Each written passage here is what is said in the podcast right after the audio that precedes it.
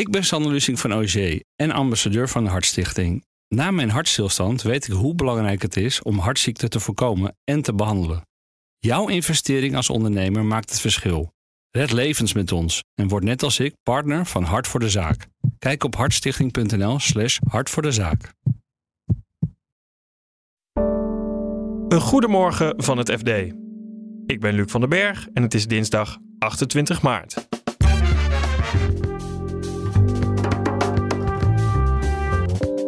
De grootste cryptobeurs ter wereld wordt aangeklaagd in Amerika. Ze willen dat een flinke geldboete komt voor Binance. Dat het bedrijf ophoudt te bestaan, of in ieder geval ophoudt met dit soort diensten aanbieden. Het datalek bij de GGD kan de overheid miljarden gaan kosten. Het gaat hen ook heel erg om het feit dat de overheid moet voelen dat er uh, zorgvuldig omgegaan moet worden met, uh, met de gegevens van burgers. En Noord- en Zuid-Europa hebben een verschillend idee bij een bankenunie. Wij willen niet dat onze Noord-Europese banken moeten opdraaien voor eventueel falen in Zuid-Europa. Dit is de dagkoers van het FD. Binance, het grootste crypto-platform ter wereld, wordt aangeklaagd. De Amerikaanse toezichthouder CFTC vindt dat het bedrijf bewust regelgeving ontwijkt. Correspondent in de VS Lennart Sandbergen vertelt dat de toezichthouder Binance al meer dan een jaar op de radar heeft. Binance wordt nu aangeklaagd door de CFTC. Dat is eigenlijk de toezichthouder in de VS voor uh, de handel in derivaten op grondstoffen, zoals dat dan eigenlijk heet. Uh, nou ja, waar het op neerkomt is dat zij gewoon heel erg kijken naar hoe wordt er in afgeleide financiële producten en in opties en zo gehandeld. Die moet je namelijk allemaal aanmelden. En als dat niet gebeurt, dan, uh, ja, dan ben je eigenlijk al meteen in overtreding. En CFTC deed daarom al sinds 2021 onderzoek naar Binance. Nu wordt niet alleen Binance zelf aangeklaagd, maar ook de oprichter. Waarom doen ze dat? Ja, klopt. Ja, dat gebeurt eigenlijk wel vaker bij bedrijven die, uh, ja, die verdacht worden van uh, grote overtredingen. Changpeng Zhao gaat het dan over. Dat is ook de oprichter en de CEO dus ja, die, die is zo verbonden met dat bedrijf. Dat is echt het grote gezicht ervan. Net zoals je dat bij dat andere crypto-bedrijf had, FTX. Daar was die Sam Bankman-Fried, de grote man. Ja, je kan die twee eigenlijk dan niet meer loszien van elkaar. En als het bedrijf iets verkeerd doet, ja, dan is dat ook gewoon direct de schuld van degene die het heeft opgericht en die ook de meerderheid van de aandelen in handen heeft. Dus dat dat dan gebeurt is eigenlijk niet zo heel gek. Het is wel vervelend voor hem natuurlijk. Wat wilde CFTC eigenlijk bereiken met deze aanklacht? Ja, het is toch wel een beetje te zien in een soort serie van acties van Amerikaanse toezichthouders tegen allerlei cryptodiensten, cryptobedrijven. Want ja, je hebt natuurlijk die, die val van FTX gezien. En ja, dat is politiek gewoon ook een heel pijnlijk ding in de VS. Omdat er toch best wel wat Amerikanen zijn die daar geld hadden staan. Ja, dat lijkt er toch op dat dat weg is. Ja, dat was gewoon een enorme chaos. En al die toezichthouders, ja, die worden daar dan toch een beetje op aangekeken. Ondanks dat ze eigenlijk niet zo heel veel kunnen doen tegen cryptobedrijven, omdat die, ja, de wetgeving is daar gewoon nog niet op toeberust. Ondanks dat die natuurlijk al wel een jaar of tien bestaan. Maar ja, dat is voor uh, wetgevingsprincipes toch nog best kort. Dus het lijkt er toch een beetje op dat als je dat in die, in die hele reeks ziet aan acties die er zijn geweest. Ja, daar past dit wel heel erg in. En concreet, ze schrijven zelf op dat ze willen dat een flinke geldboete komt voor Binance dat het bedrijf ophoudt te bestaan, of in ieder geval ophoudt met dit soort diensten aanbieden. En dat er ook gewoon een, een soort regel komt dat als ze dat dan alsnog wel gaan doen, dat er dan flinke, flinke boetes en andere straffen kunnen volgen. Binance heeft helemaal geen kantoor in Amerika. Kunnen ze dan wel aangepakt worden? Nee, klopt. Ja, dat is eigenlijk ook wel een heel creatief ding wat Binance uh, eigenlijk altijd al heeft. Zij zeggen van ja, wij doen cryptodiensten. Crypto is decentraal en wij zijn dat ook. Dus wij hebben geen hoofdkantoor. We zitten over de hele wereld en gewoon op het internet. Dus nee, een kantoor hebben we niet en een adres ook al niet. En ze vinden dus zelf ook eigenlijk ook dat ze daarom ook helemaal niks met die Amerikaanse regelgeving te maken hebben.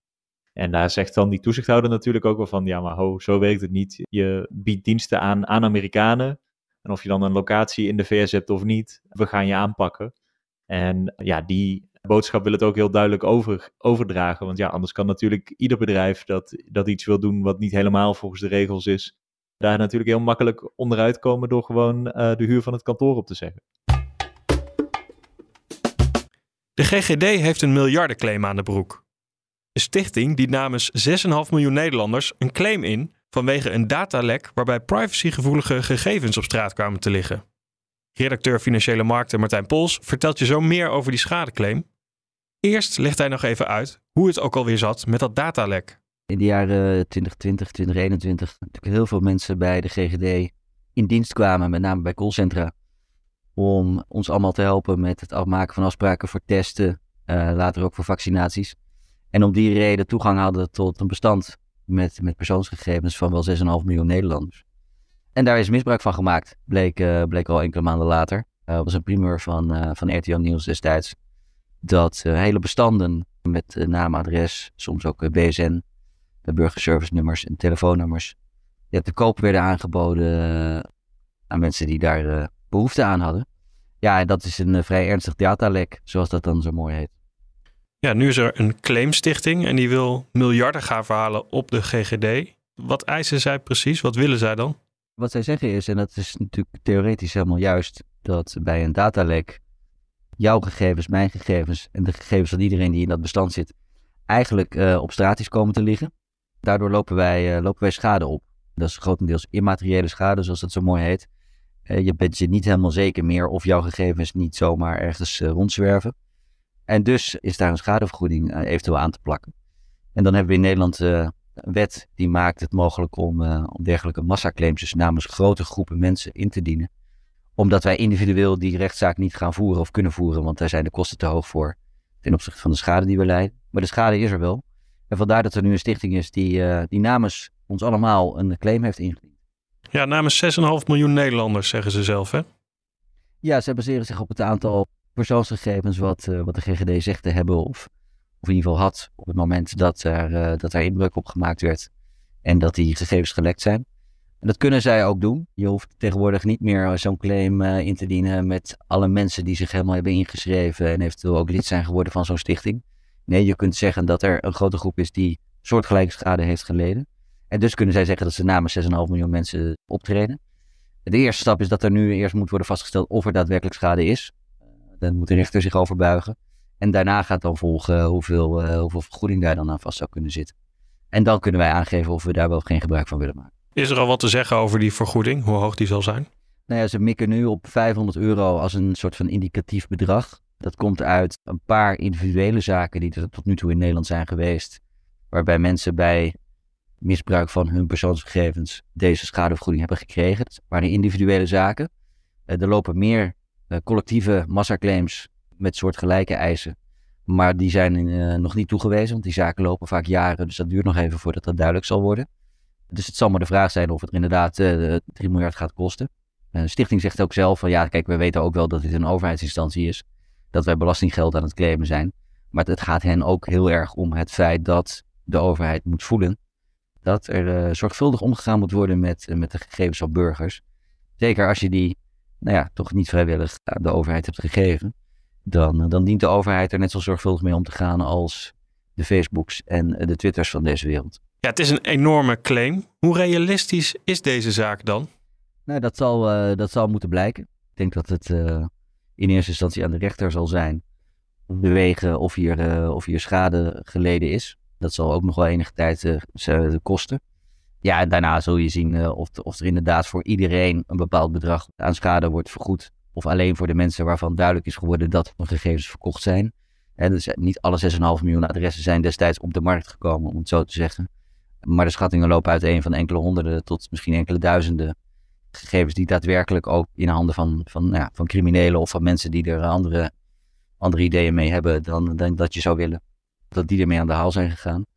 Dat zal moeten blijken.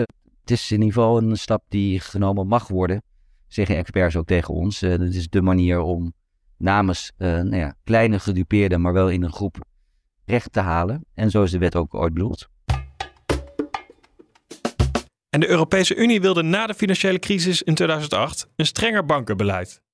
Dat kwam er deels, maar een volledige bankenunie is er nog steeds niet. EU-correspondent Ria Katz vertelt waarom de roep om een bankenunie steeds groter wordt.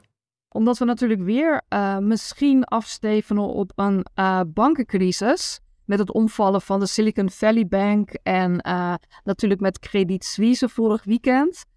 Toen zag je ook al dat deze banken, uh, dat ertoe leidde dat andere banken ook uh, hun aandelenkoersen zagen dalen. Dus ze willen eigenlijk is de roep om uh, de bankenunie af te maken. Want er is wel degelijk heel veel gebeurd sinds 2008. Alle Europese banken staan nu onder hetzelfde toezicht, namelijk dat van de Europese Centrale Bank in Frankfurt en niet meer onder nationaal toezicht. Uh, tegelijkertijd zijn er natuurlijk allerlei aanvullende eisen gekomen. De ECB voert uh, stresstesten uit, die kijkt hoe banken ervoor staan. Uh, die kijkt, kunnen ze een crisis aan? Maar die heeft dus ook eisen gesteld als jullie moeten zoveel bufferkapitaal aanhouden. Jullie moeten je zo en zo gedragen. Dus er is al best wel veel veranderd. Alleen is de bankenunie die men voor ogen had vanaf 2008, of eigenlijk ietsje later, is daar begonnen over te praten. die is nooit afgemaakt. Nee, maar hoe kan het dan als er al zo lang over gesproken wordt, dat die bankenunie er dan nog steeds niet is?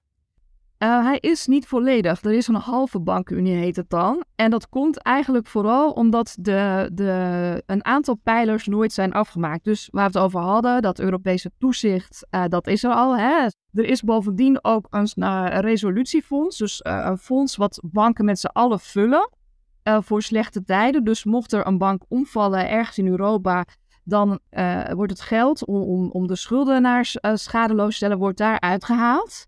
Dus uh, er is ook een soort van gedeeld risico op die manier. Nog niet volledig, maar ook dat is wel voorzien. Maar wat er nog niet is, is het Europees depositogarantiestelsel. En nou ja, je weet, elke spaarder in Nederland, maar ook in Europa, die kan tot een ton terugkrijgen. Dus als je spaargeld op een bank hebt staan en die bank valt om, dan krijg je tot een ton terug. Dat is nu nog nationaal geregeld, dus dat krijg je dan nu uh, via de DNB en de Nederlandse banken, et cetera. Maar het idee is om dat Europees te maken, dat je dus uh, voor elkaar spaartegoeden garant staat als Europese bank. Waarom lukt dit niet? Waarom lukt het al jaren niet? Er wordt ook al jaren over gesproken. Dat is omdat met name de Italiaanse banken uh, volgens Noord-Europa toch wel wat wankel zijn. En waarom zijn die wankel? Omdat um, zij heel erg stevig hebben geïnvesteerd in hun eigen nationale overheid. Dus de Italiaanse staatsobligaties die, die zijn uh, massaal opgekocht door Italiaanse banken.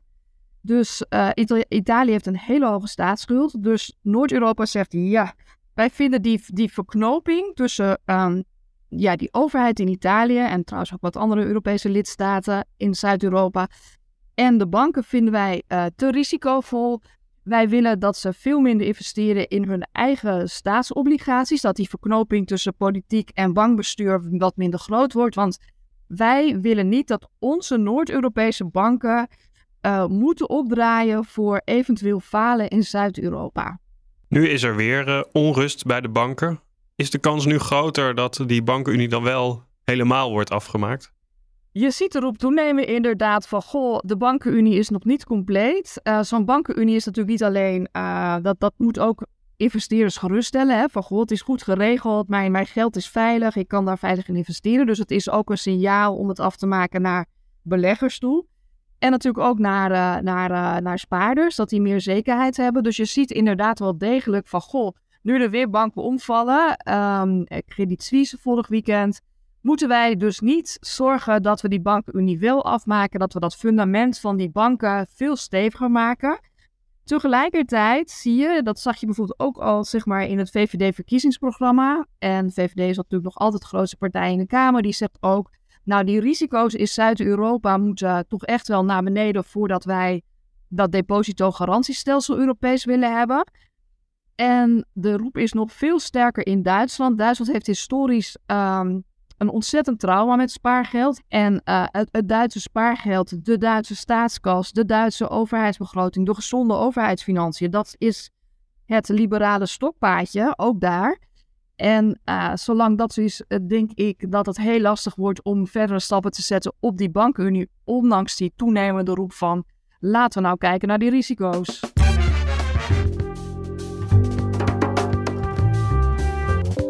Dit was de dagkoers van het FD.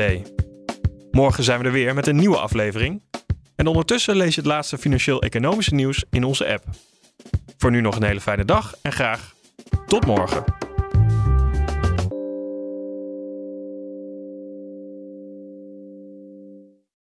Ik ben Sander Lusing van OG en ambassadeur van de Hartstichting. Na mijn hartstilstand weet ik hoe belangrijk het is om hartziekten te voorkomen en te behandelen.